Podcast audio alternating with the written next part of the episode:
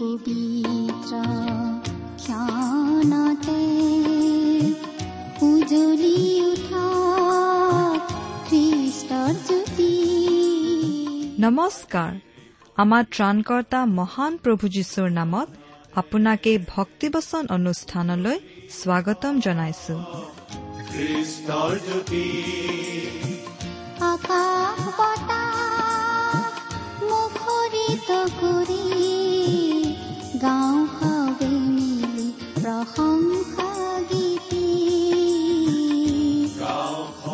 এয়া মুকলি কৰিছো ঈশ্বৰৰ জীৱিত বাক্যৰ ধাৰাবাহিক অনুষ্ঠান ভক্তি বচন।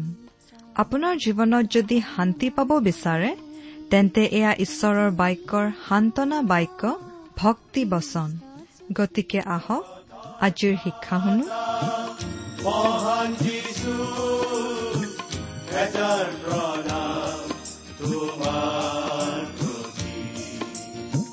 গ্ৰহণ কৰাই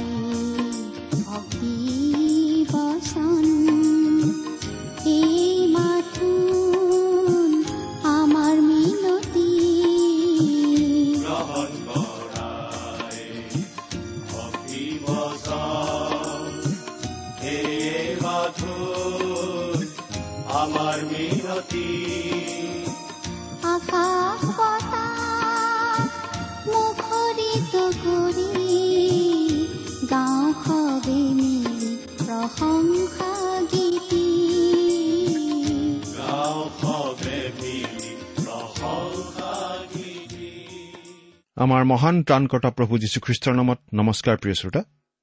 আশা কৰোঁ আপুনি ভালে কুশলে আছে।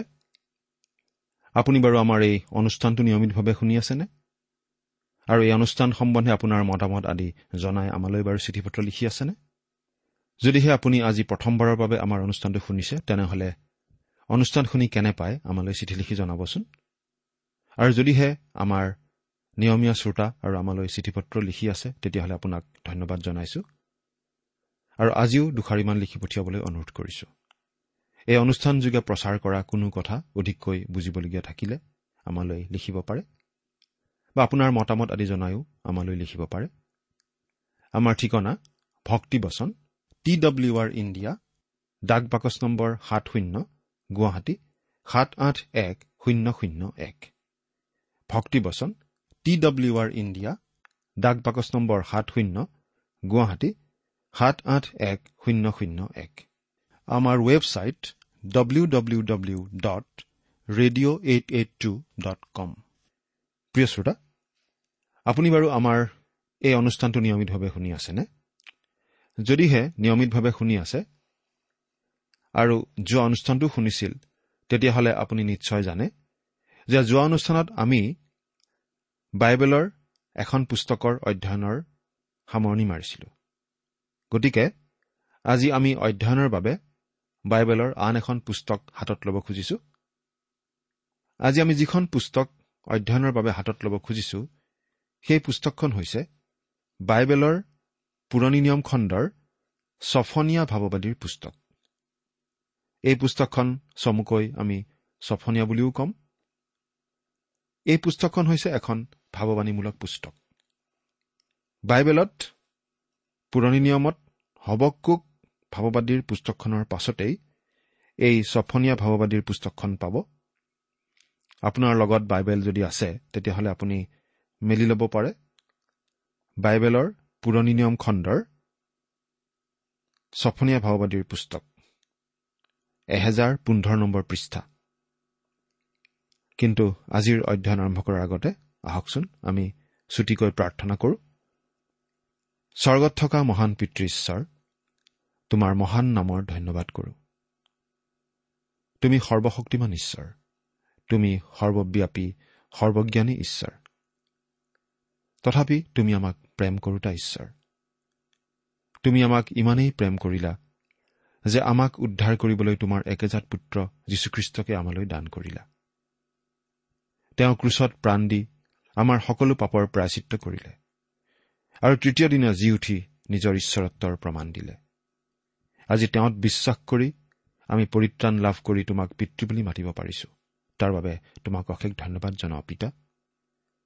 এতিয়া আমি আগবাঢ়িছো তোমাৰ মহান বাক্য বাইবেল শাস্ত্ৰ অধ্যয়ন কৰিবলৈ।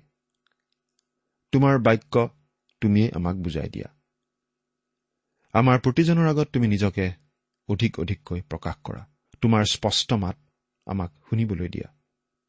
আমাৰ মৰমৰ শ্ৰোতাসকলৰ ওপৰত তোমাৰ আশীৰ্বাদ বৰষাই দিয়া। তেওঁলোকৰ জীৱন সফল কৰি তোলা সুন্দৰ কৰি তোলা। তোমাৰ উপস্থিতি অনবৰতেই তেওঁলোকক উপলব্ধি কৰিবলৈ দিয়া।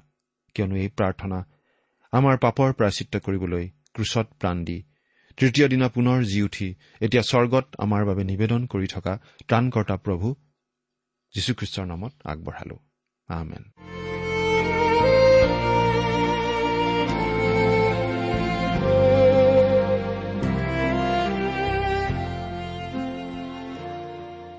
প্ৰিয় শ্ৰোতা আন আন গৌণ ভাৱবাদীসকলৰ তুলনাত ছফনিয়াই নিজৰ পৰিচয় অধিক ভালদৰে দিছে। হবকুক ভাৱবাদীয়ে নিজকে নিৰৱতাত লুকুৱাই ৰাখিলে। তেওঁ নিজৰ পটভূমিৰ বিষয়ে আমাক আচলতে একোৱেই নজনালে। কিন্তু ছফনীয়া ভাৱবাদী তাৰ ঠিক বিপৰীত আৰু সাধাৰণতে আশা কৰাতকৈও তেওঁ নিজৰ পৰিচয় ভালদৰেই দিছে। তেওঁ নিজৰ বংশাৱলী বৰ্ণনা কৰি নিজৰ আজুককাক পৰ্যন্ত উভতি গৈছে।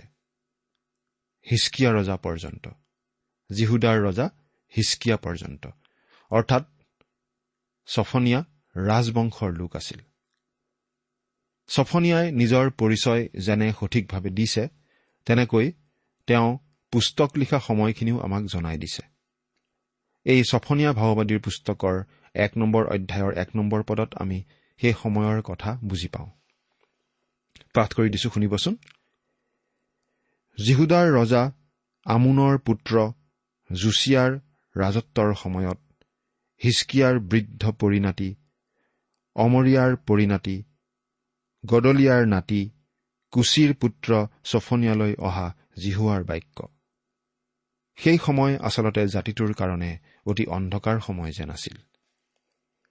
ইব্ৰী ভাষাৰ বাইবেলখন যেনেদৰে সজোৱা হৈছে সেইমতে ছফনীয়াই হৈছে যিহুদী লোকসকল বাবিললৈ বন্দী হৈ যাবলগীয়া হোৱাৰ আগৰ শেষৰজন ভাৱবাদী।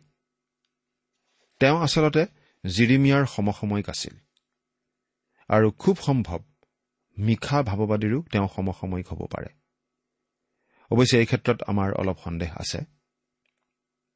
তেওঁৰ কথাখিনি ডায়ুদৰ ৰাজ্যৰ সামৰণিৰ গীতৰ নিচিনা।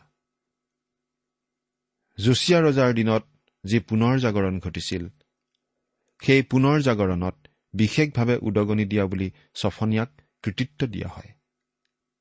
ছফনীয়াৰ এই সৰু পুস্তকখনে বাইবেলৰ জনপ্ৰিয়তাৰ ক্ষেত্ৰত জোহন তিনি অধ্যায় ষোল্ল নম্বৰ পদ নাইবা জোহনৰ শুভবাৰ্তাৰ নিচিনা স্থান ল'ব নোৱাৰে।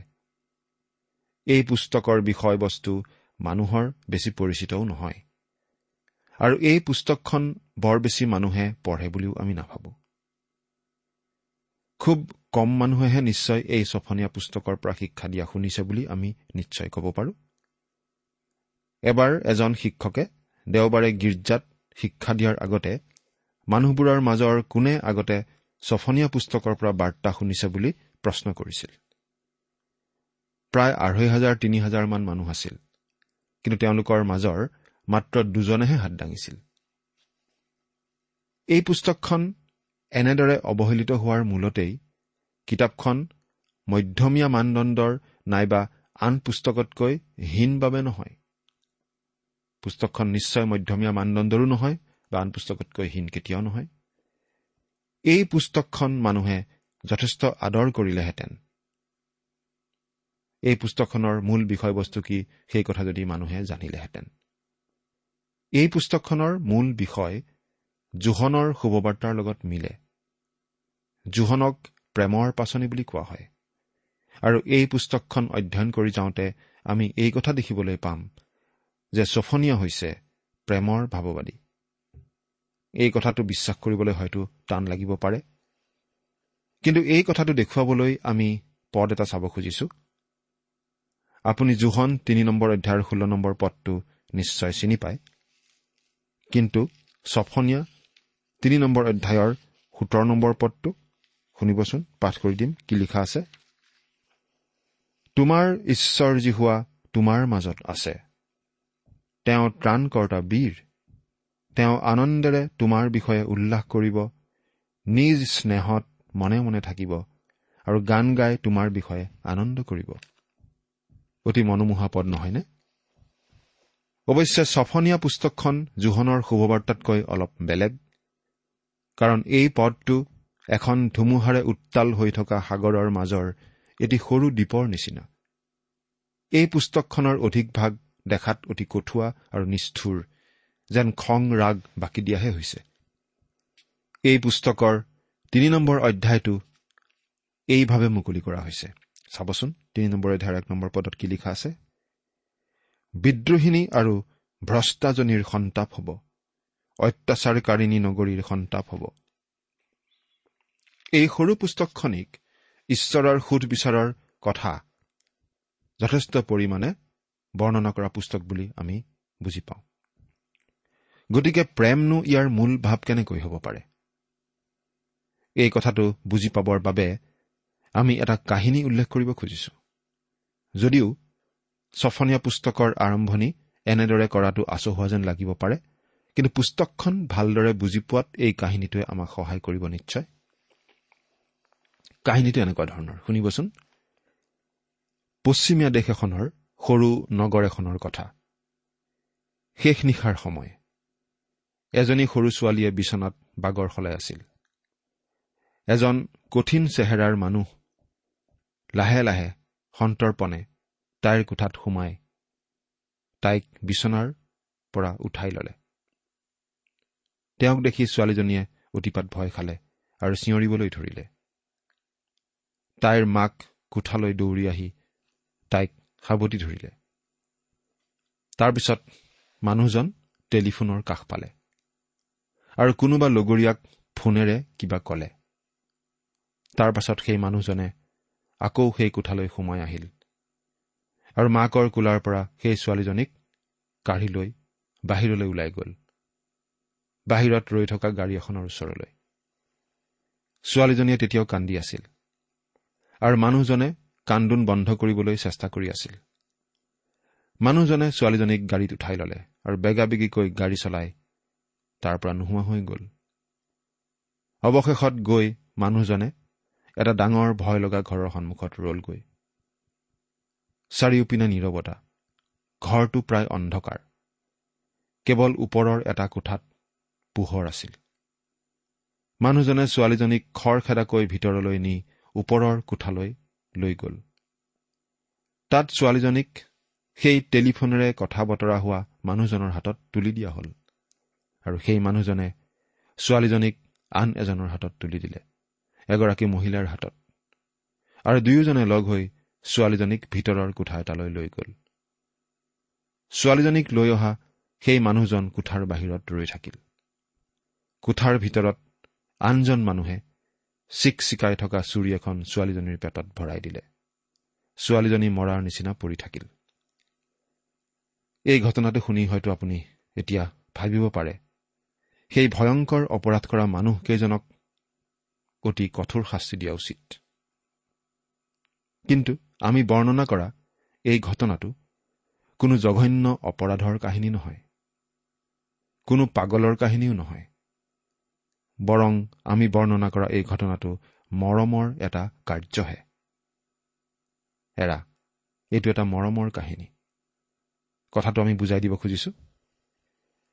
সেই সৰু ছোৱালীজনীৰ পুৱা ৰাতি অসহ্য পেটৰ বিষ উঠিছিল। তাইৰ প্ৰায়েই তেনেকুৱা বিষ উঠি থাকে আৰু ডাক্তৰে মাক দেউতাকক সেই ছোৱালীজনীক ভালদৰে পৰ্যবেক্ষণ কৰি থাকিবলৈ কৈছিল।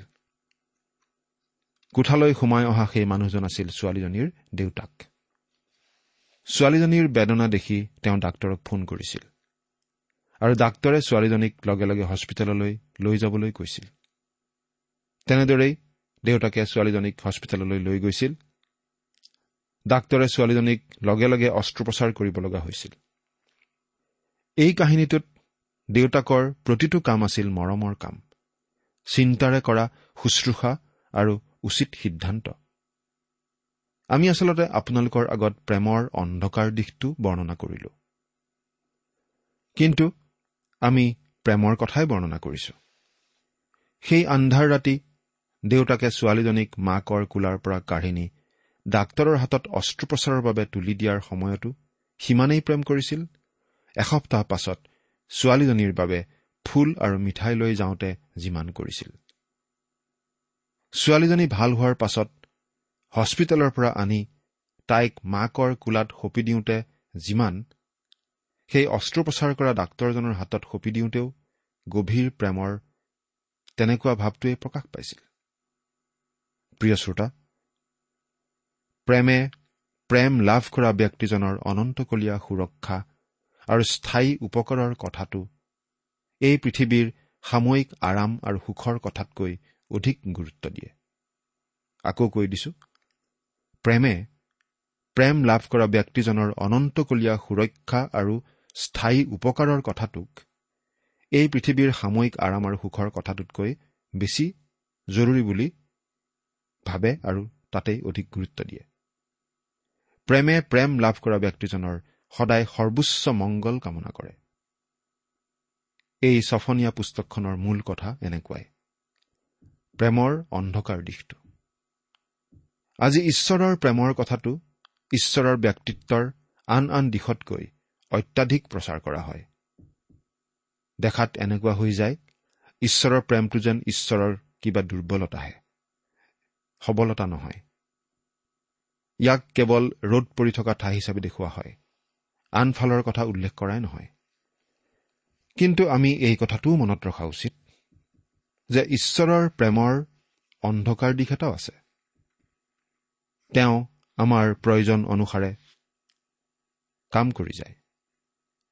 সেই মহান চিকিৎসকে তেওঁৰ সন্তানক প্ৰয়োজন হলে অস্ত্ৰোপচাৰ কৰা মেজত ৰাখে। তেওঁ প্ৰয়োজন হলে অস্ত্ৰোপচাৰৰ চুৰি ব্যৱহাৰ কৰিব। যদিহে অবাধ্যতাৰ টিউমাৰ নাইবা আত্মিক জীৱন শুহি খোৱা ভয়ংকৰ ভাইৰাছ অথবা পাপ কেঞ্চাৰৰ দৰে বাঢ়ি যোৱা দেখা পায়। তেওঁ আমাৰ লগত তেনে চৰম ব্যৱস্থা ল'বলৈ সংকোচ নকৰে। এই কথাটো আমি শিকা উচিত। তেওঁ প্ৰেম কৰে বাবেই আমাক মিঠাই আৰু ফুলো দিয়ে। আৰু ৰোগৰ চিকিৎসা কৰিবলৈ অস্ত্ৰোপচাৰো কৰে। কেতিয়াবা তেওঁ আমাৰ কষ্ট লাঘৱ হোৱা দৰৱ নিদিয়াকৈও অস্ত্ৰোপচাৰ কৰে। কিন্তু সেই কাম কৰোঁতে তেওঁ গিলিয়দৰ মলম সানি দিয়ে। যদিহে তেওঁ দেখা পায় যে আপুনি বা মই দুখ যন্ত্ৰণাৰ উপত্যকাৰে আগবাঢ়ি যোৱাটো আমাৰ অনন্তকলীয়া মংগলৰ বাবে প্ৰয়োজনীয় তেন্তে তেওঁ আমাক সেই অন্ধকাৰ উপত্যকাৰে যাবলৈ এৰি দিয়ে। বাইবেলত এই বুলি লিখা আছে কিয়নো প্ৰভুৱে যাক প্ৰেম কৰে তেওঁক শাস্তি দিয়ে আৰু তেওঁ গ্ৰাহ্য কৰা প্ৰতিজন পুত্ৰক কোবায়। ইব্ৰী বাৰ নম্বৰ অধ্যায়ৰ ছয় নম্বৰ পদ। নিজ সন্তানক তেওঁ প্ৰশিক্ষণ দিয়ে অনুশাসন কৰে। আকৌ প্ৰভু যীশুৱে এই বুলিও কৈছিল ময়েই প্ৰকৃত দ্ৰাক্ষালতা মোৰ পিতৃ খেতিয়ক। মোৰ যি যি ডালত গুটি নধৰে তেওঁ সেইবোৰ গুচাই পেলায়। আৰু যি যি ডালত গুটি ধৰে সেইবোৰত আৰু অধিক গুটি ধৰিবলৈ পৰিষ্কাৰ কৰি দিয়ে। জোহনে লিখা শুভবাৰ্তা পোন্ধৰ নম্বৰ অধ্যায়ৰ এক আৰু দুই নম্বৰ পদ। আমি মনত ৰখা উচিত যে পিতৃ ঈশ্বৰে আমাৰ জীৱনত হস্তক্ষেপ কৰি যি যি বিষয়ে ফল নধৰে সেইবোৰ আমাৰ জীৱনৰ পৰা কাটি পেলায়। এইটো কষ্টদায়ক কথা। কিন্তু তেনেদৰে গছৰ ডাল কাটিবৰ সময়তহে বাগিচাৰ মালিকজন আচলতে গছডালৰ অধিক ওচৰ চাপে। অৰ্থাৎ তেনে কৰাৰ সময়তহে পিতৃ ঈশ্বৰ আমাৰ অধিক নিকট হয়। বতাহৰ দিশ দেখুৱাবলৈ ব্যৱহাৰ কৰা সৰু যতন এটিৰ ওপৰত খেতিয়ক এজনে এই বুলি লিখি থৈছিল ঈশ্বৰ প্ৰেম। তাকে দেখি এজন বিখ্যাত প্ৰচাৰকে সুধিছিল আপুনি বাৰু এই বুলি বুজাব খুজিছে নেকি? যে বতাহৰ গতি সলনি হোৱাৰ নিচিনাকৈ ঈশ্বৰৰ প্ৰেমো সলনি হৈ থাকে? তেতিয়া সেই খেতিয়কজনে উত্তৰ দিছিল নাই নহয়। মই আচলতে এইটোহে বুজাব খুজিছো যে বতাহ যিপিনেই নবওক কিয় ঈশ্বৰ সদায় প্ৰেমময়। কি ধুনীয়া কথা নহয়নে বাৰু? প্ৰিয় শ্ৰোতা আজি হয়তো আপোনাৰ জীৱনত দক্ষিণৰ পিনৰ পৰা জোৰ বতাহ বলি আছে কাৰণ তেওঁ আপোনাক প্ৰেম কৰে। কিন্তু অহাকালি উত্তৰৰ পৰা অতি শীতল বতাহ বলিব পাৰে। আৰু বলে তথাপি ঈশ্বৰে আপোনাক প্ৰেম কৰে। প্ৰিয় শ্ৰোতা যদিহে আপুনি ঈশ্বৰৰ সন্তান আৰু এতিয়া দুখ কষ্টত আছে মনত ৰাখক যে ঈশ্বৰে আপোনাক প্ৰেম কৰে। দেখাত যেনেকুৱাই নালাগক তেওঁ কিন্তু আপোনাক প্ৰেম কৰে। সেই কথা আপুনি সলনি কৰিব নোৱাৰে। ছফনীয়া পুস্তকত ঈশ্বৰৰ ক্ৰোধ সোধ বিচাৰ দণ্ডৰ জৰিয়তে প্ৰকাশ পোৱা আমি দেখিবলৈ পাওঁ। কিন্তু সেই সকলোৰে অন্তৰালত ঈশ্বৰৰ প্ৰেমৰ ভাৱ নিহিত হৈ থকা আমি দেখা পাওঁ। এই ছফনীয়া পুস্তকখনে ঈশ্বৰৰ প্ৰেমৰ চকুত নপৰা দিশটো দেখুৱাইছে। ঈশ্বৰ প্ৰেমৰ ঈশ্বৰ। কিন্তু তেওঁ সুদবিচাৰ কৰা ঈশ্বৰো। আৰু আন আন পুস্তকৰ তুলনাত অতি কঠোৰভাৱে ইয়াত ঈশ্বৰৰ পৰা সুদবিচাৰ আৰু দণ্ডৰ কথা বৰ্ণনা কৰা হৈছে। এই চুটি পুস্তকখনত দুটা ভাৱ বিশেষভাৱে মন কৰিবলগীয়া। প্ৰথমটো হৈছে জিহুৱাৰ দিন। জিহুৱাৰ দিন। সাতবাৰ এই পুস্তকত উল্লেখ কৰা পাওঁ। প্ৰথম লিখক ভাৱবাদী উবদিয়া আৰু জুৱেলে প্ৰথমতে এই কথাটো উল্লেখ কৰিছে। আন সকলো ভাৱবাদীৰ লগতে এতিয়া বাবিললৈ বন্দী হৈ যোৱাৰ আগৰ শেষজন লেখক ভাৱবাদী ছফনীয়ায়ো এই কথাটো ব্যৱহাৰ কৰিছে। তেওঁ আন ভাৱবাদীতকৈ অধিককৈ এই বাক্যাংশ ব্যৱহাৰ কৰিছে। হুবহু বাক্যাংশটো তেওঁ সাতবাৰ ব্যৱহাৰ কৰিছে কিন্তু আন ধৰণেও এই কথাটোৰ প্ৰসংগ অনা হৈছে। এই বাক্যাংশটো পৃথিৱীত খ্ৰীষ্টৰ হেজাৰ বছৰীয়া শাসন স্থাপন হোৱাৰ আগতে ঘটিবলগীয়া মহাক্লেশৰ সৈতে বিশেষভাৱে জড়িত। কিন্তু জিহুৱাৰ দিন সেই শাসনকালৰ সৈতেও জড়িত। সেই মহাক্লেশৰ সময়ছোৱাৰ অন্ত পৰিব যেতিয়া পৃথিৱীত শাসন চলাবলৈ প্ৰভু যীশু নিজে নামি আহিব। সেই সকলোবোৰ এই জিহুৱাৰ দিনৰ অন্তৰ্ভুক্ত। ছফনীয়াৰ পুস্তকখনৰ গুৰুত্ব পোৱা বিষয়টো হৈছে সুধ বিচাৰ।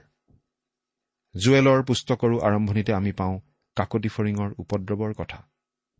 সেই উপদ্ৰৱ তেওঁ ভৱিষ্যতে আহিবলগীয়া জিহুৱাৰ দিনৰ নিচিনা বুলি কৈছে। জুৱেলে কৈছে জিহুৱাৰ দিন। পোহৰ নহয় অন্ধকাৰ। মানুহৰ পাপৰ কলা পটভূমিত ঈশ্বৰে পোহৰৰ আখৰেৰে আপোনাৰ মোৰ বাবে অপূৰ্ব শুভবাৰ্তাৰ কাহিনী লিখে।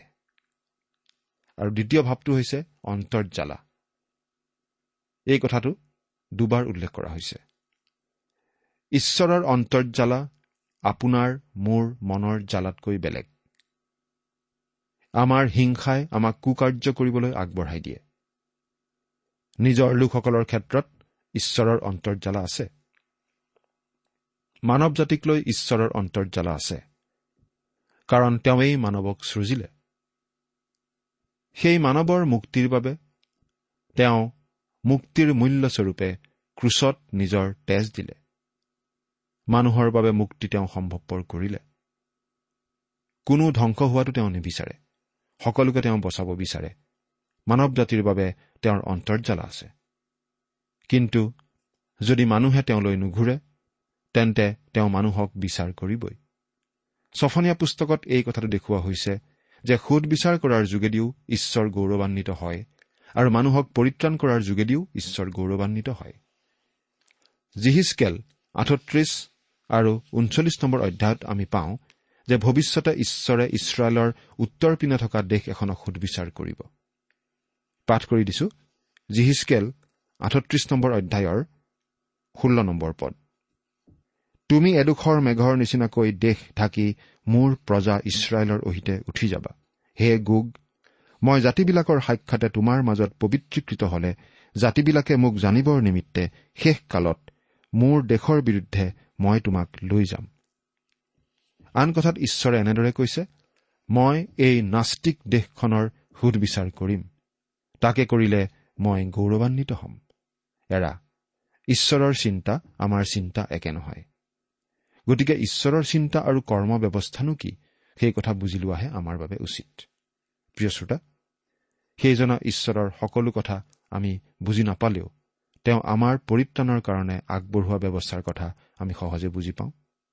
প্ৰভু যীশুৰ যোগেৰে সেই যি ব্যৱস্থা তেওঁ আগবঢ়াইছে সেই ব্যৱস্থা আপুনি গ্ৰহণ কৰিছেনে বাৰু? চিন্তা কৰি চাওকচোন। ঈশ্বৰে আপোনাক আশীৰ্বাদ কৰক। আহমেদ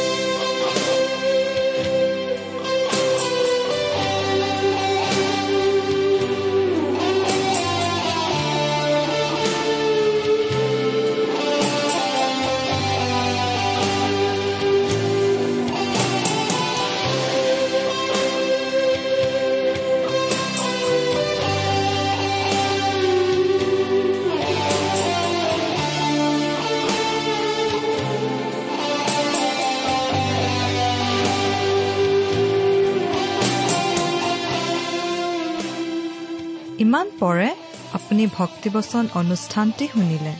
এই বিষয়ে আপোনাৰ মতামত জানিবলৈ পালে আমি নথৈ আনন্দিত হ'ম। আমি প্ৰস্তুত কৰা বাইবেল অধ্যয়নৰ আন চিডিসমূহ পাব বিচাৰিলেও আমালৈ লিখক। অনুষ্ঠানটি শুনি কেনে পালে আমালৈ চিঠি লিখি জনাবচোন। অনুষ্ঠানত প্ৰচাৰ কৰা কোনো কথা বুজিব লগা থাকিলেও আমালৈ লিখক। আমাৰ ঠিকনা? ভক্তিবচন ট্ৰান্স ৱৰ্ল্ড ৰেডিঅ' ইণ্ডিয়া ডাক বাকচ নম্বৰ সাত শূন্য গুৱাহাটী সাত আঠ এক শূন্য শূন্য এক। ঠিকনাটো আৰু এবাৰ কৈছো ভক্তিবচন ট্ৰান্স ৱৰ্ল্ড ৰেডিঅ' ইণ্ডিয়া ডাক বাকচ নম্বৰ সাত শূন্য গুৱাহাটী সাত আঠ এক শূন্য শূন্য এক। আমাৰ ইমেইল এড্ৰেছটো হৈছে S M is T T B at the rate radio' eight eight two dot com. আমাৰ ৱেবছাইট ইন আপুনি টেলিফোনৰ মাধ্যমেৰেও আমাক যোগাযোগ কৰিব পাৰে। আমাৰ টেলিফোন নম্বৰটো হৈছে শূন্য তিনি ছয় এক দুই ছয় শূন্য চাৰি ছয় সাত এক। ফোন নম্বৰটো আকৌ এবাৰ কৈছো zero' three six one two six zero' four six seven one আজিৰ অনুষ্ঠানটি ইমানতেই সামৰিছো। ঈশ্বৰৰ শান্তি আৰু অনুগ্ৰহ আপোনাৰ লগত থাকক। ধন্যবাদ। কতনো সময় যে পায় প্ৰভু যিশুৰ কথা ভাবিবলে খন্তে সময় নোলায় সময়ো কৰি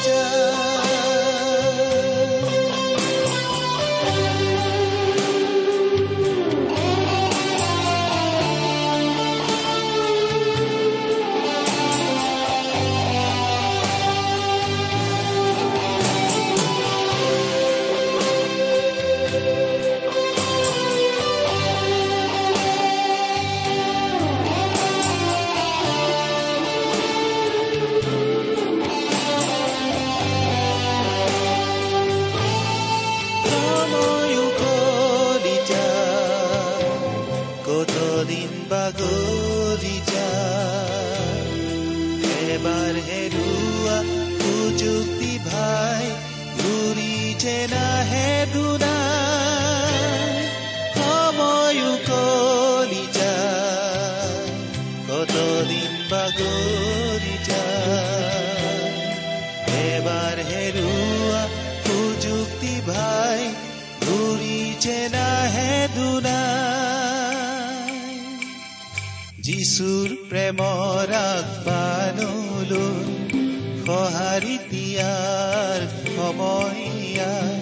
যিচুৰ প্ৰেমৰ আগবানলৈ সঁহাৰি দিয়াৰ সময়। এবাৰ দুৱাৰ বন্ধ হলে নেমেলিব যিচুৱে